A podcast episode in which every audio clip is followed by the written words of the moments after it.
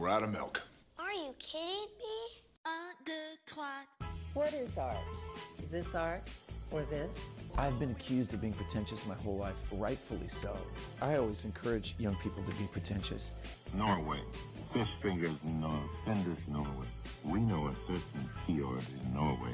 In order to be a great artist, you simply have to be a great artist. There's nothing to learn.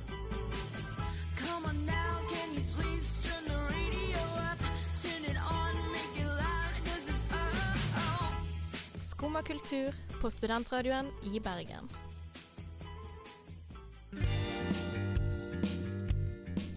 Hei og god formiddag, eller kveld hvis du hører det på reprise. Eh, velkommen til Skumma kultur. Jeg heter Randi Heggenes Eilertsen, og jeg har med meg Samantha Hatten. Denne uka på Skumma kultur så har vi bl.a. snakka med Idun Vik. Hun er flink i veldig mange ting, som skuespiller, regissør og så mye mer. Hva annet skal vi snakke om i dag? Vi skal utdype om eh, hvor lenge egentlig er det en vanlig tidspunkt å være student på, fordi det kan variere veldig mye. Det blir en spennende dom å få høre. Vi skal òg snakke litt om folk som gjorde det veldig bra etter skolen. Ja, og se om de stereotypene faktisk stemmer, om at kreative mennesker typisk ikke er så flinke, akademisk sett. Det blir veldig spennende. Men uh, før vi snakker om det, skal du få høre Cab Calloway med St. James' Infirmary.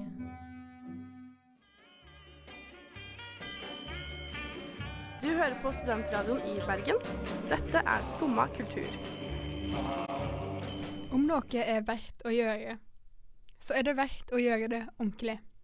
Og det tar gjerne en stund. Et eksempel på det her er studenttilværelsen. Og Samantha, du har jo ikke kunnet slutte å snakke om en fyr i det siste. Som òg brukte veldig lang tid på student... eh, Til, ikke som òg. Som brukte veldig lang tid på studenttilværelsen. Hvem er det? Eh, ja, det er veldig sant, fordi i de siste dagene, der vi alle sammen er midt oppe i eksamensperioden, har jeg tatt opp forfatteren Patrick Rothfuss veldig ofte i samtaler. Og hva, hva taper er det som uh, du står opp i de tider? Patrick Rothfuss er jo en veldig kjent fantasiromanforfatter, men en overraskende fun fact om han er at han tok ni år på å få en bachelorgrad. Og han er jo amerikansk, og det er jo enda mindre vanlig at dette tar så lang tid der enn det gjør her. Herregud, ni år. Etter det kan du ikke Når man tar så lang tid, så kan man vel ikke bli vellykka etterpå.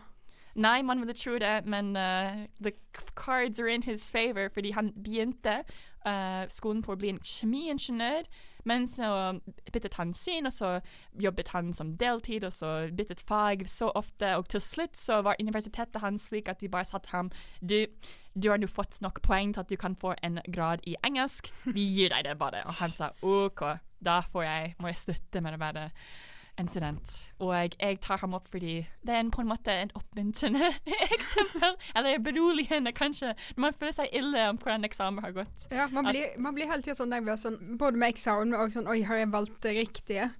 Liksom. Men det, man kan tydeligvis surre rundt ganske lenge og fortsatt finne seg til rette. Ja, det går ikke ad undas for resten av livet. Mm. Heldigvis. Vi har en sjanse til. Men Randi, kunne du tenke deg å ta ni år som Patrick Rothfuss? Hmm. Jeg Vet du hva, jeg er, jeg, jeg er egentlig ganske lei allerede. Og jeg har et semester igjen av bacheloren min. Og det er jo raskt. Ja. Eller, altså For uh, norske I forhold til han, i alle fall. det er veldig raskt. Men um, Nei, man blir jo litt uh, I alle fall, jeg blir litt lei av akademia. Jeg har litt lyst til å gjøre noe praktisk, og det får man dessverre ikke muligheten til å gjøre så mye. Så hvis man bare liker Hvis man sånn som han, han liker å skrive, og da gir det kanskje mer mening at han liker å eh, holde seg på universitetet. Men jeg merker at jeg er, jeg er veldig klar for å komme litt ut og gjøre ting. Men du har lyst da på en fulltidsjobb allerede? Du har ikke lyst på den studentlivet, alt Hmm. utenom det akademiske? Jo, jeg har jo egentlig det. Men uh, Det er veldig vanskelig å tenke over, og for meg selv òg. Jeg er litt sånn På en måte har jeg litt sånn uh, en tilnærming der jeg tenker sånn Nei, jeg må ta opp en fag igjen. Det går fint. Jeg, kan, jeg, jeg finner på verdifulle ting å gjøre, og det utforske. Det er så, egentlig så mye fortsatt innenfor studentmiljøet som jeg fortsatt jeg har lyst til å utforske. absolutt. Men uh, ni år har det ikke gått for meg heller. Ja, nei, jeg, jeg kjenner jo på det, jeg òg, at eh, eh, jeg kommer jo til å savne det. Jeg kommer til å savne studentmiljøet. Jeg føler meg jo egentlig ikke voksen ennå. Og tenker på at nå skal jeg ut i jobb, og det skal jeg da gjøre i sånn 50 år.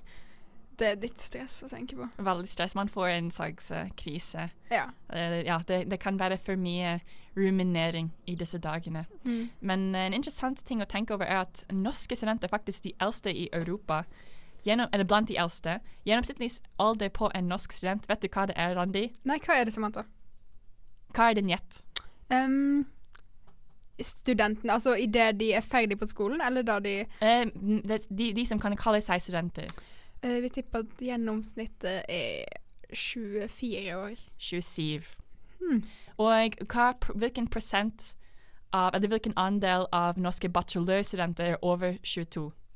Å, det tror jeg er mange. Fordi at altså Man Ja, altså man, når man er ferdig på videregående, så er man kanskje 19, og så måtte man begynt rett på bachelor og gjort den ferdig på tre år. Så det tror jeg er veldig få. Det tror jeg bare er sånn 10 kanskje. Det er to, det er to tredjedeler over 22. Det var faktisk flere under 22 enn jeg trodde. Ja, fordi jeg, jeg, jeg, sammenlignet med min skole i Indonesia, eh, er de alle sammen Eller mange av de er allerede ferdige. Jeg er liksom Ja, hei, jeg liksom bare vimser rundt, og jeg holder på. Jeg, jeg er ikke snart ferdig. Og du er hvor gammel? Jeg er 21. Ja. Så det er litt spesielt at de er ferdige, syns jeg. Ja. I forhold til våre standarder. Og jeg var i et kull med 200 elever, og det var bare to som tok et friår. Jeg tok på en måte et friår, men jeg studerte norsk. Men det ble tilkalt for en friår da. Og den andre var halvt norsk, halvt dansk. Så bare oss to skandinaverne tok det litt fri, mens alle de andre gikk med en gang rett på en grad. Det virker veldig stressende. Jeg bare tenker at Man har så mye tid som man skal jobbe etter studiene, så hvorfor ikke bare ta seg litt tid? Ja, men det er veldig dyrt å studere Ja, det er sant. eh, i, an, i land eksempel som USA, så Vi i Olje-Norge vet ikke hva betydningen av penger er. Men, Og eh, det gjorde Patrick Rothfuss heller ikke, fordi han var, han var uheldig, han. Han sto imot kapitalismen. Han sto imot. Og brukte så mye penger han ville. Men uh, ja, vi skal også snakke litt om uh, Om et øyeblikk skal vi snakke litt mer om folk som uh, er tenkt på som genier, og om hvordan de eh, gjorde det da de gikk på skolen. Men først, for å eh, dempe angsten din litt, så skal du få høre Odd Nordstoga med 'Løse ting'. Du hører på Skumma kultur på studentradioen i Bergen. I just put the radio on.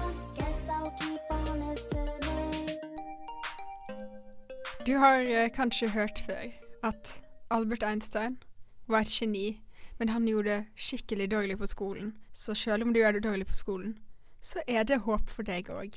Samantha, er det sant? Nei. Eller til en viss grad.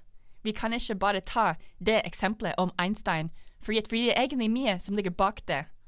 Det er sant. Fordi han egentlig gjorde det ikke så dårlig på skolen som den uh, myten eller den uh, fun fact som vi ofte hører tyder på.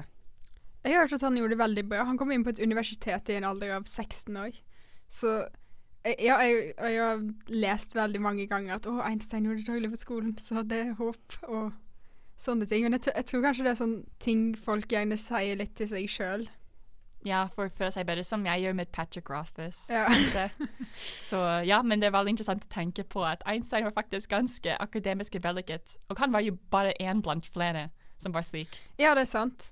Det er jo mange andre gode eksempler på folk som har gjort det veldig bra etter skolen, og eh, som òg gjorde det veldig bra på skolen. Og selv om de er kanskje kjent i mer kreative felt enn akademiske. Sånn som Kurt Vonnegut. Ja, han kom inn på eh, Cornell, og han studerte biokjemi, Uh, som var ønsket av hans far. Og han ble jo eh, Man hadde ikke gjettet i utgangspunktet at han skulle bli en så stor uh, forfatter som han ble seinere. Så når man leser og at liksom, «Å ja, selvfølgelig kom han inn på Cornell, liksom. Og det, da får man den motsatte følelsen enn når man hører det Einstein-eksempelet, som oppmuntrer man. Men Ja. uh, hører om disse uhyre flinke folk som selvfølgelig var de flinke i veldig mange ulike områder. Og ja, OK. Man blir litt sur når man hører at 'å herregud, den personen er bare god i alt'. Hvorfor er de så egoistiske? De må la litt talent være igjen til oss andre. Også litt vedmodig, kanskje, liksom, for oss vanlige dødelige. Ja. Liksom. Og vi, vi blir bare det vi blir, liksom. Ja. og den f- følelsen følelse får man òg når man hører på folk som f.eks. Khalid Hussaini, uh, som jobbet som lege i over ti år. Og han sluttet bare med hans uh, legeyrke etter ett og et halvt år etter hans første roman kom ut, The Kite Runner, som ble jo en kanonsuksess. Mm. Og han har beskrevet den jobben som en slags arrangert ekteskap. Det å bli lege, at han egentlig ville bli forfatter. Ah, så det var sånn at han følte presset til å gå inn i noe akademisk. Ja, men han klarte det bra med begge ting, da. Ja. Det, sånn, eh, det minner veldig om komikeren, den egyptiske komikeren Bassem Yosef. Fordi at han, eh, han var jo hjertekirurg, og så eh, Før den arabiske våren var han hjertekirurg. Men da det skjedde, så begynte han å lage et TV-program som han bare la på YouTube, og det ble en enorm suksess. Og han fikk sitt eget TV-program og ble på en måte en stjerne i sitt hjemland, til den grad at liksom presidenten ville ha han arrestert og sånn. Og det var at han har så mye talent, og samtidig sånn Hjertekirurg var på en måte den lille jobben han gjorde ved siden av. Ja, den liksom den side note. Ja. Liksom, og Det er sånn, oh, by the way, han jobber som hjertekirurg. Ja, det, det bare, dette blir bare nevnt så casually. Det er så liksom Man blir bare liksom Det er slående. Man blir bare forbauset, liksom. Og at man virkelig beundrer disse slagsfolkene. Så eh, ja. Men uh, jeg tror nok jeg kunne ikke Eller jeg føler meg ikke som jeg kunne At det er to så uhyre annerledes ting som jeg er veldig At jeg anser meg selv som sterk i. Og i hvert fall ikke i graden som de som vi har nevnt her. Det var på mitt, mitt små nivå. Men jeg, jeg tror ikke jeg kunne Det er veldig vanskelig for seg for meg at jeg jobber i- med noe i ti år etter min lange studietilværelse, som ikke er like lange som Patrick Rothfuss tar slutt, og så bytter jeg. Men hva med deg, Randi? Nei, jeg, jeg håper jo jeg håper å få suksess i én ting det med det første, så det er sånn vanskelig å tenke seg og flere ting. Men det er òg så utrolig annerledes enn det vi tenker på. Det er veldig lett å tenke at å, noen eh, Det er en myte om at å, noen tenker med høyresiden av hjernen, og noen tenker med venstresiden, og det er de kreative typene, så er det de som er skikkelig gode i matte og sånne ting. Men de her folka viser jo at det er ikke Man kan være god i alt, og det er veldig frustrerende. Det er også interessant å tenke på hvorfor er den Einstein liksom eh, eh, eh, faktumet som er egentlig ikke så sant om det at han gjorde ikke så dårlig på skolen. Hvorfor har det blitt så populært? Og hvordan hadde ting sett ut om det motsatte ble mer vanlig å bli sagt liksom Å ja, uh, Kurt Vonnegut, Khalid Hosseini, Basim Youssef, de gjorde det skikkelig bra på skolen på deres egne måter, og bra, kanonbra ellers. Jeg tror det har noe med eh, at Einstein spesifikt er liksom sånn Han er kjent som geniet, liksom. Eh, og at derfor har han en sånn ting som folk drar fram når de vil ha et eksempel på sånn Å, de gjør det dårlig på skolen. Det er jo Albert Einstein òg. Og myter om alt mulig Albert Einstein gjorde fordi at de skal liksom Å, jeg òg kan være et geni, for Albert Einstein gjorde det. Men jeg tror det er veldig mye som er funnet på. Mm. Det gir veldig mye mening. Mm. Men en annen person som har gjort det skikkelig bra utenom uh, sine kreative uh, egenskaper, er jo Dexter Holland, som har uh, fått en doktorgrad fra Det er jo mange musikere som faktisk overraskende mange som har doktorgrader, i tillegg til å være veldig gode kreative. Det her er en av de som overraska meg mer, og det var Dexter Holland fra The Offspring. Han har en ph.d. i zoologi fra faktisk University of Cornell. Uh, du skal nå få høre et av hans mindre zoologiske verker. Det her er 'Self-Esteem' av The Offspring. God dag, jeg er regissør David Alrek, og du hører på Skumma kultur på Studentradioen i Bergen.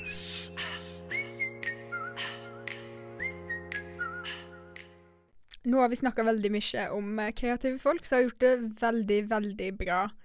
Og eh, om du føler at sjøltilliten din er litt lav etter det, så har jeg veldig dårlige nyheter, for den skal straks bli lavere. Vi har nemlig snakka med Idun Vik, som er suksessfull skuespiller, scenekunstner, produsent og så videre.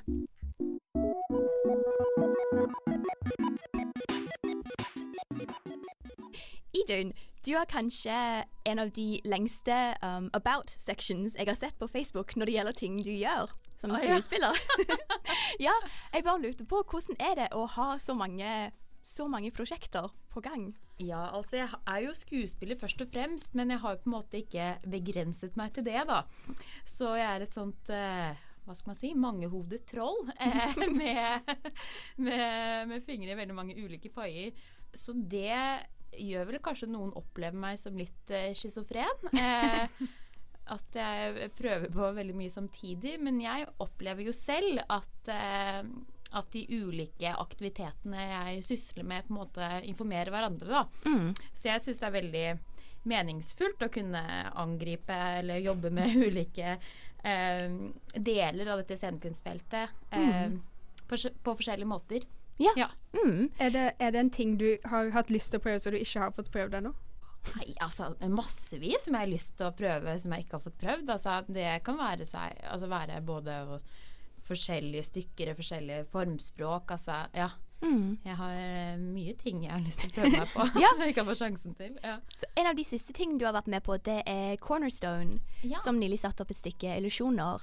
Um, kan du fortelle litt om hva, hva Cornerstone er, og hva er planene deres? Ja. Dette er jo da et nytt initiativ som jeg har dratt i gang, som er et forsøk på å, å skape en arena for ny scenetekst. Mm. Um, uh, som, eh, og ha base på Kornteatret. Så det er på en måte mange eh, sidestilte mål med det her. Det ene er å, å løfte frem nye stemmer og utforske ulike tilnærminger til hvordan tekst kan behandles scenisk. Mm. Um, fordi eh, jeg tror i hvert fall her vi er i Bergen, da, så, så er det jo et ganske lite, lite miljø, og ikke så mange ulike aktører. Mm. Så det er ikke så mange Det er ikke alle uttrykk som får en plass. Eh, og hvis man skal sette opp to, to store aktører da, som er veldig forskjellige uttrykk, så har man f.eks. Nasjonal Scene på den ene siden, og så Teatergarasjen på den andre. Ja.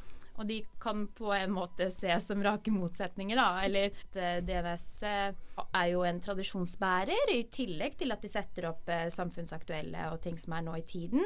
Mm. Um, BIT representerer kanskje det mer eh, det eksperimentelle feltet, som undersøker og sprenger grenser og bryter ned. Eh, og så har man ikke alltid eh, så mye derimellom. eh, og det er eh, Cornerstone egentlig et lite forsøk på. Eh, at man kan utforske tekst uten at det behøver å, å reprodusere en masse sånn Mm. kanskje foreldede eh, teaterkonvensjoner i noens eh, perspektiv. Men man kan ta vare på tekst uten at det må nødvendigvis være dramatisk. Man må ikke eh, forholde seg til en fjerde vegg og den type ting. Ja. Mm. ja. Så det første stykket dere satte opp, det var um, illusjoner av uh, Ivan Vidipaev. Ja, stemmer. Uh, hva var det som gjorde at dere valgte det stykket som første stykke? Nei, det er et stykke som uh, jeg i hvert fall synes er veldig allmennmenneskelig, men særegent samtidig. At det på, på en måte stiller seg i dialog med, med sånn ja, eh, gamle teaterkonvensjoner, samtidig som den strekker seg fremover. Mm. Em, så så den, den er først og fremst fortellende i stilen. Eh, men så endrer da denne historien, som fremlegges hele tiden, perspektiv. Som er en veldig sånn upålitelig yeah. stemme som driver stykket. Og det syns jeg er veldig spennende å jobbe med. Eh, så det er både friskt og, og formmessig sånn, sånn sett interessant. Samtidig som tematikken, altså det handler om relasjoner og, og ulike forestillinger og vrangforestillinger om kjærligheten og livet, og det er jo veldig allmennmenneskelig. Yeah. Eh, så som en første cornerstone så tenkte jeg at det ville være en fin inngang, for det er noe som mange kan hekte seg på, samtidig som den representerer kanskje et litt annet uttrykk enn Mm. det som, eh, som ellers er. Særlig siden vi spilte den i et sånn veldig intimt format. Ja, det stemmer. Så um, du har jo vært med og på en måte ja, bestemt hvordan dette stykket skulle være. Er det veldig forskjell for deg å bli regissert av en annen, og å være med å forme det stykket som du spiller i? Ja, det er jo en stor forskjell. Og, og jeg liker godt begge deler. Ehm, men uh, det skal jo ikke legges under en stol at jeg liker veldig godt å kunne være med og bestemme litt. Ah. Ja, så, men det er bare to ulike Ikke bare to. Det er en av mange ulike tilnærminger, da. Mm. Ja, det stemmer. Du har jo jobbet i, i London også, stemmer det? Som Ja. skuespiller. Hvordan liker du å jobbe som skuespiller i Bergen framfor London? Sammenlignet med London? Ja. Nei, det er jo to ehm, veldig forskjellige byer. Jeg hadde noen veldig fine og eh, begivenhetsrike år, rimelig i hvert fall, i, i London. Eh, som eh, jeg føler eh, ga meg veldig mye sånn driv og arbeidsmoral. For det er jo ingen tvil om at det er et eh, veldig mye større marked enn i eh, Bergen. Det er veldig mye som skjer, og veldig mange om beinet. Mm. Det, ja. Ja. Så det er jo en fordel og en ulempe. Det, det som er fint med det, er at det er veldig mye på gang, og veldig mye sånn kreativ hunger, på en måte. Massevis av ildsjeler som har lyst til å få ting til å skje. Så selv om man ikke med det første får innpass kanskje i de store produksjonene, så fantes det masse ulike miljøer hvor det gikk an å engasjere seg, da. Mm, ja. eh, og, og være med å skape muligheter. Så generelt så var det vel mer hektisk Ja, Erlend er jo hektisk her også. Det- ja, det var hektisk. Men, eh, Kanskje jeg bare lager det hektisk. Men, men eh, det, er, det, er, er flere ting å melde seg på. Ja. I, I Bergen er det litt færre, eller i Norge, da. Av og det er mindre avstand, kanskje, med, i og med at markedet er mindre. Mindre avstand mellom deg som utøver og en regissør og en teatersjef. Eh, fordi at markedet er mindre. Men derfor er det også færre ting. Færre, færre auditioner, færre eh, mulige møtepunkter, da. Mm, ja. Eh, så det kan, eh, kan gjøre det litt utfordrende, da. Mm. Ja. Men eh, da kan man jo også, da, i hvert fall har jeg opplevd her i Bergen, at hvis man eh, gir litt gass, så er det også mulig å få ting til å skje. Ja. Så en annen ting som du har også gjort, det er å spille i musikaler. Mhm. Ja, Kan du fortelle litt om hvilken musikal du har spilt i, og hvordan var det? Er det en som du spesielt har, har likt? Og Ja, her i Bergen så har jeg da vært med i to ulike produksjoner på DNS. Em, så eh, det var først eh, Hellemursfolket, eh, basert på um, Amalie Skram sine bøker i musikalversjon, eh, som gikk to sesonger. Og så spilte jeg Spellemann på taket eh, høsten for et år siden. Jeg har et sånn elsk-hat-forhold til eh, musikal. Okay, okay. Eh, det kan være helt vidunderlig. Det er veldig deilig å kunne på en måte ha så mange store elementer rundt seg og få velte seg i store følelser. Ja. og å være del av et sånt maskineri, da, som i hvert fall de to produksjonene som har vært på store scene, har Mm, vært. Og så syns jeg også at sånn musikal er eh, i Norge, så, så fremstår den som en litt sånn unødvendig snever sjanger. Ah. Eh, at det er veldig ofte de samme musikalene som settes opp igjen og igjen. Og da ser man at det former seg noen sånne stereotypier, da. Mm, mm. Eh, så det setter seg en forestilling om at musikal er sånn. Ja, Eh, ja. Men det kan være veldig mye mer, da. Eh, men både Spellemann og Helmersfolket syns jeg er veldig fine historier som ligger til grunn. Eh, som også er veldig allmennmenneskelige og, og har også et samfunnsperspektiv. Ja. Så det har vært veldig, veldig fint å være med på. Mm. Eh, men eh, eksempel å gjøre ja, Grease og alle de, cats, alle de der lik, det føler jeg blir eh, ja, kanskje mer talende for, eh, for behovet om inntekt, da. Ja. Kanskje for noen tilfeller. Ja. Når jeg var liten, så var det min store drøm å spille i Cats, men Ja. eh, det, den drømmen har dødd for lenge siden. Ja, ja, man skal, veldig, det man skal ha det også, men det er Mm. bare eh, Man må tillate uh, flere uttrykk å koeksistere. Ja, ja. men Mm. det, det virker veldig Ja. For jeg vet det er mange som har en veldig bestemt idé om hva musikaler er. Ja. Og det er kanskje noen som syns at de er litt, litt teite av og til, og litt sånn Litt sånn klisj Ja, litt klisjé, ja. Uh, og det er jo i, i mange saker tilfellet. Mm, jeg er helt mm. enig men det fins veldig mye mer. Så derfor har jeg også uh, vært med på det her Musikaldigg, som er Ja. en sånn konsertserie. Og da har vi som formål å, å gjøre utdrag fra verker som ikke har blitt fremført Mm, før. mm. Og, og prøve å bidra til å utvide forståelsen litt av hva musikk, musikkteater og musikal kan være. Ja, det er en Mm. veldig fin ting. Ja. Ja. Apropos forståelse av teater.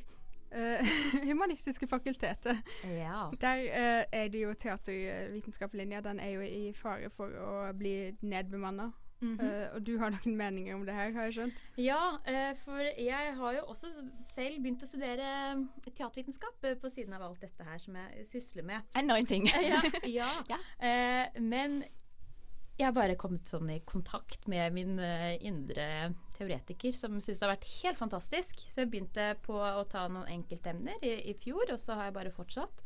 Og for meg har det virkelig vært en gave som, har kunnet, eh, som jeg føler er veldig overførbart også til mitt eh, praktiske virke. da, Å kunne eh, gå dit og få teoretisk påfyll og også kontekstualisere eh, de ulike forestillingene man ser, og, og for mitt vedkommende de egne tingene så jeg prøver å sette ut i verden på en eller annen måte. Og det som er ekstra tragisk med det her at eh, eh, Humanistiske fakultetet nå fremmer et forslag om å nedbemanne med én stilling, er at eh, UiB er det eneste universitetet i landet som tilbyr teatervitenskap.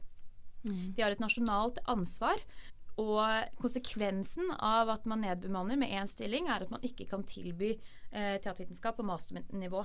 Mm. Eh, og det har store konsekvenser for eh, feltet, og særlig eh, overfor eh, samarbeidene eh, som historisk har, har vært veldig nære mellom eh, teatervitenskap og Teatergarasjen f.eks., som hele tiden har denne pågående undersøkelsen da, om hva teater er og kan være, og hvilke ulike kunstarter man stiller seg i dialog med.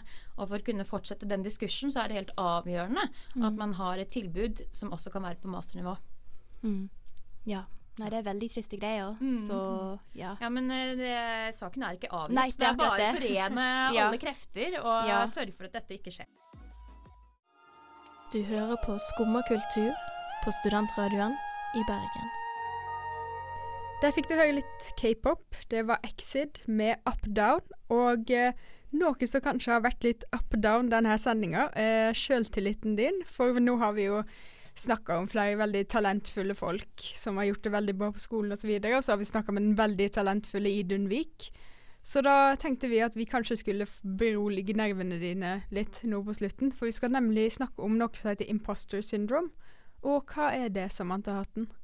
Uh, imposter syndrome er ikke en mental disorder.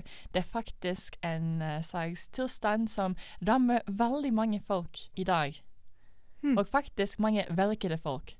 Og eh, hva går det her eh, syndromet ut på? Det går ut på at man føler seg at man ikke fortjener sine oppnåelser, at man er da i hermetegn falske, og man kan vente til å bli oppdaget for at eh, du egentlig ikke fortjener det du har oppnådd. Mm. Ja, jeg har hørt at det er veldig vanlig, sånn i Spesielt når man går inn i arbeidslivet, så føler man kanskje at man har faka seg litt for å komme dit, og da går man hele tida og venter på at noen kommer til å finne ut at jeg egentlig ikke kan så mye som jeg kanskje skrøt for meg, og kanskje alle andre faktisk er bedre enn meg. Ja, og at man føler seg at man har bare vært heldig. Det er derfor Mm. du har uh, fått til det du har, kan. Og så andre ting som er knyttet til imposter syndrom, er perfeksjonisme, og det å overarbeide, og det å være følsomme og ha eh, angst mot jobben. Mm. Men det skal sies at det her ikke er reelt, selv om folk tror at de ikke passer inn, så betyr ikke det at de faktisk ikke passer inn. Det at det er så mange som er overbevist om at de kommer til å bli avslørt, tyder jo på at man er ikke nødvendigvis ukvalifisert, selv om man føler det sånn. Nei, og til og med veldig kjente folk opplever dette, som blant annet Tom Hanks og Emma Watson og Maya Angelou og Neil Gaiman.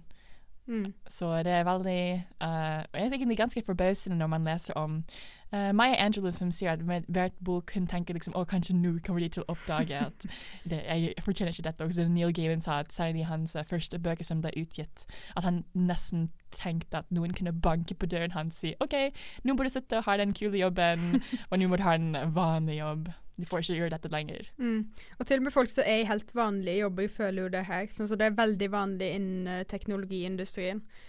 Og det, det er litt fordi at det er et um, Blant annet så er det et slags image av uh, folk som driver med programmering, som noe spesielt de siste årene med Silicon Valley og sånt, er blitt veldig populært å tenke at folk som driver med programmering, de gjør det hele tida, døgnet rundt, og de er kjempegode. Og når folk føler at de ikke klarer å leve opp til den stereotypen, så føler de at å, shit, alle andre er bedre enn meg. Mm. Så engang, man må ikke engang være i en veldig sånn fancy kulturell jobb for å ha imposter syndrome. Nei, ikke i det hele tatt. Og jeg har lest at i begynnelsen av da de utlegget denne teorien, så trodde de at det påvirket de for de fleste kvinner, eller kvinner hovedsakelig, men senere forskning har tydet på at både menn og kvinner opplever dette nesten likt. Mm. Det var veldig overraskende. Man hadde ikke trodd det. Nei, kanskje ikke, men samtidig så kanskje hvis man er kvinne innenfor et felt, at man tenker at å, jeg ringte og tror jeg har kompetanse uansett, så jeg passer vel. Jeg lever sikkert opp til det uansett. ja, det er faktisk sant. Eller at å, jeg er kanskje en middelmådig arbeider, men for kvinner er jeg kjempebra. Og det er fakt men uh, samtidig så har uh, moderne forskning tydet på at det er faktisk nyansert ut ifra skjønnet hvordan uh, imposter syndrom manifesterer seg. For eksempel en studie fra Purdue University viser frem at kvinner har en, som har imposter syndrome, har en høyere sannsynlighet for å bare konkurrere hardt og tenke at de vil bli bedre enn andre i sin felt. Men menn uh, som har høy imposter syndrom, de heller vil unngå feltet der de ikke er så sterke, og de unngår å bli sårbare. Det er veldig interessant. Det er òg en greie òg det med å arbeide veldig hardt, sånn som du nevner at kvinner gjør.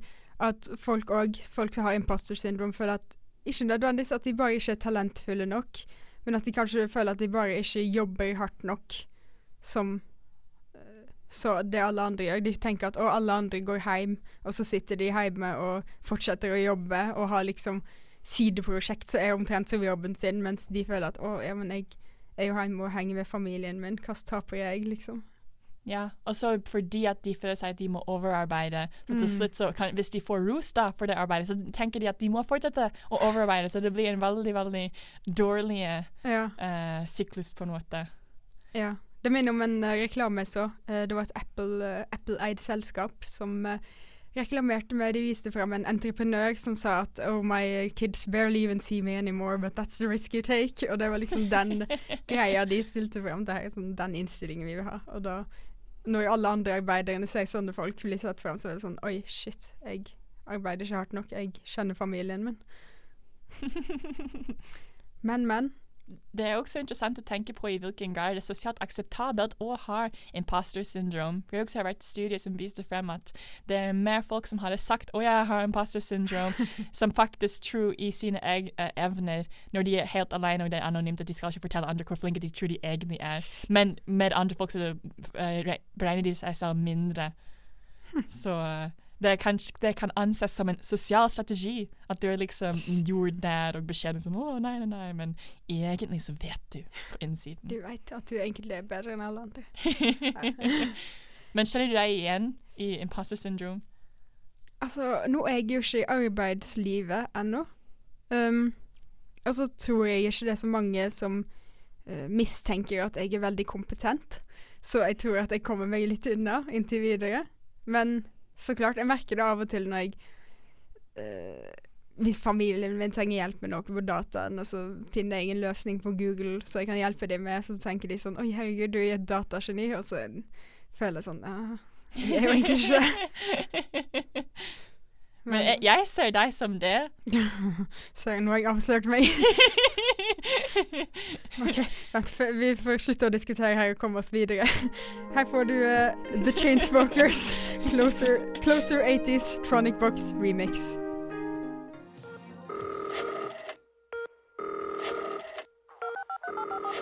Skummakultur på studentradioen i Bergen.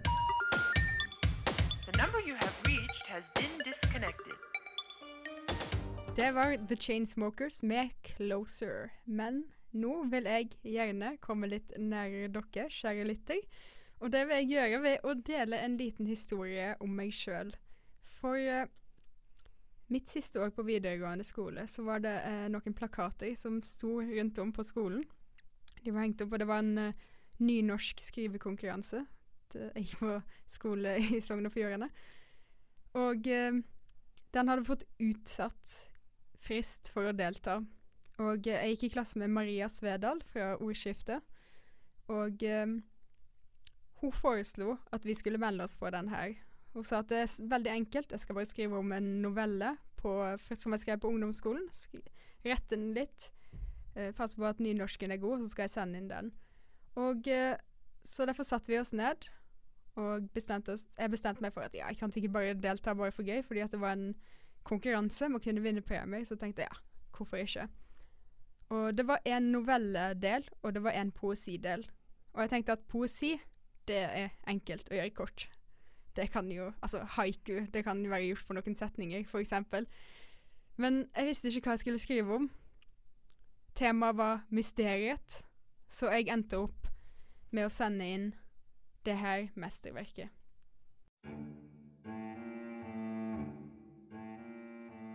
Om ein ynskjer å finne ei nål i ein høystakk, må ein gå inn med heile sitt sinn og analysere situasjonen. Kvifor vil eg finne nåla? Hva er min strategi for å finne ho? Hvor mykje ynskjer eg dette? Og så, når du endelig har overtyda deg sjølv og motivert deg sjøl og har det riktige utstyret, setter du i gang. For du kan lukte sigeren. Du grev innover, raker utover, stabler det opp, brenner det ned. Og når du har jobba så lenge at du ikke lenger kan lukte noe annet enn høy, da ser du. Innst inne i en ball av høy, i den ballen du egentlig var for sliten til å løfte på. Der glimter du et blankt metall. Du river han fra hverandre, og der ser du det. Gaffelen du mista i førre måned. Du undrer deg. Du trodde han lå under sofaen en stad, kanskje mellom gulvplankene. Men du tar han med deg hjem, og undrer deg over hva resten av gaflene dine er. Samantha, hva syns du om diktet mitt? Det var aldeles vakkert. Takk. Hvordan tolker du det? Hvordan kan man ikke tolke en gaffeldikte? Det er bare så utallige mange retninger. Mm, det kan, kan være om hva som helst. Akkurat. Og Men uh, jeg er så nysgjerrig nå. Hvorfor, hvorfor gafler, Randi? Fordi vi hadde mista alle gaflene på hybelen, for å være ærlig. Det var ingen annen grunn enn det. Jeg bodde på kollektiv med to andre jenter, og vi hadde alltid tom for gafler av en eller annen grunn. Og derfor kom jeg på denne gaffelen og tenkte på OK, et mysterium, nål i høystakk, og så kom jeg inn på de her gaflene. Og det, var, det er ikke noe dypere bak enn det. Det var bare en mangel på gafler. Det er derfor jeg nevner under sofaen en sted, et sted òg. Fordi at jeg tror det var, jeg fant en der en gang. Men uh, dette diktet fikk en mye større reaksjon enn Ja, du skulle jeg fikk, forvente. Uh, jeg fikk en e-post. Jeg hadde gl nesten glemt konkurransen. Det var etter jeg hadde flytta til Bergen. Jeg var ferdig med videregående. Så får jeg en e-post, og der står det God morgen. Kan du sende meg mobilnummeret ditt? Vil de ta en prat om skrivekonkurransen? Og det viste seg at jeg vant tredje- tredjeplass i poesikonkurransen, og 1000 kroner. Og de ville at jeg skulle komme til Flom og framføre det på eh, nynorske litteraturdager i Aurland, var det. Der ville de at jeg skulle komme og framføre det her diktet foran poesientusiaster. Og jeg, eh, jeg kom egentlig med en unnskyldning og sa nei, det eh, For jeg, var- jeg syntes det var litt, litt kleint òg at jeg hadde skrevet et dikt om en gaffel, og, og at de ville at jeg skulle framføre det. Hvordan føltes det for deg å få, ha, ha, få, få den mailen? Uh, det var helt topp, for jeg er jo student, så det var 1000 kroner er flott. Ble litt mer, mer skeptisk når det viste seg at å, vi vil gjerne at du skal framføre det og sånn, og vi har faktisk tenkt å det her er faktisk et arrangement, så vi har tenkt å liksom si hvem som vant og sånn.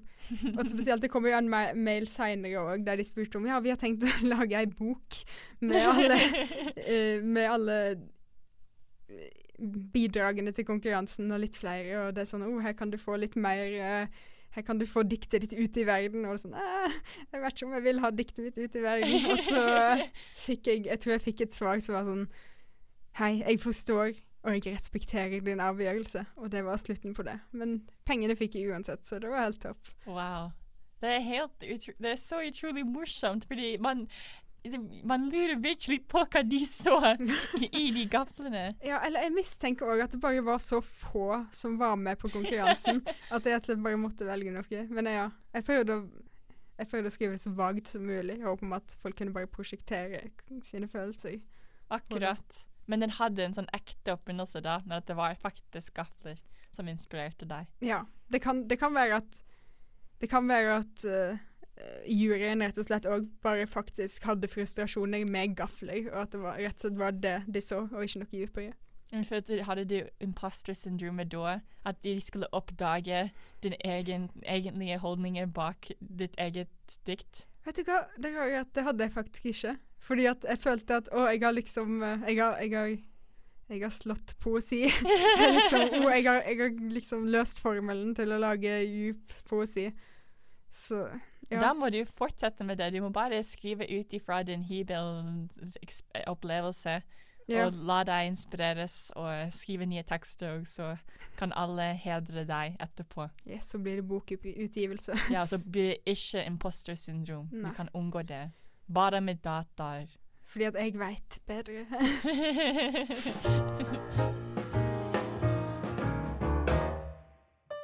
Det var dessverre alt vi rakk i dag på Skumma kultur.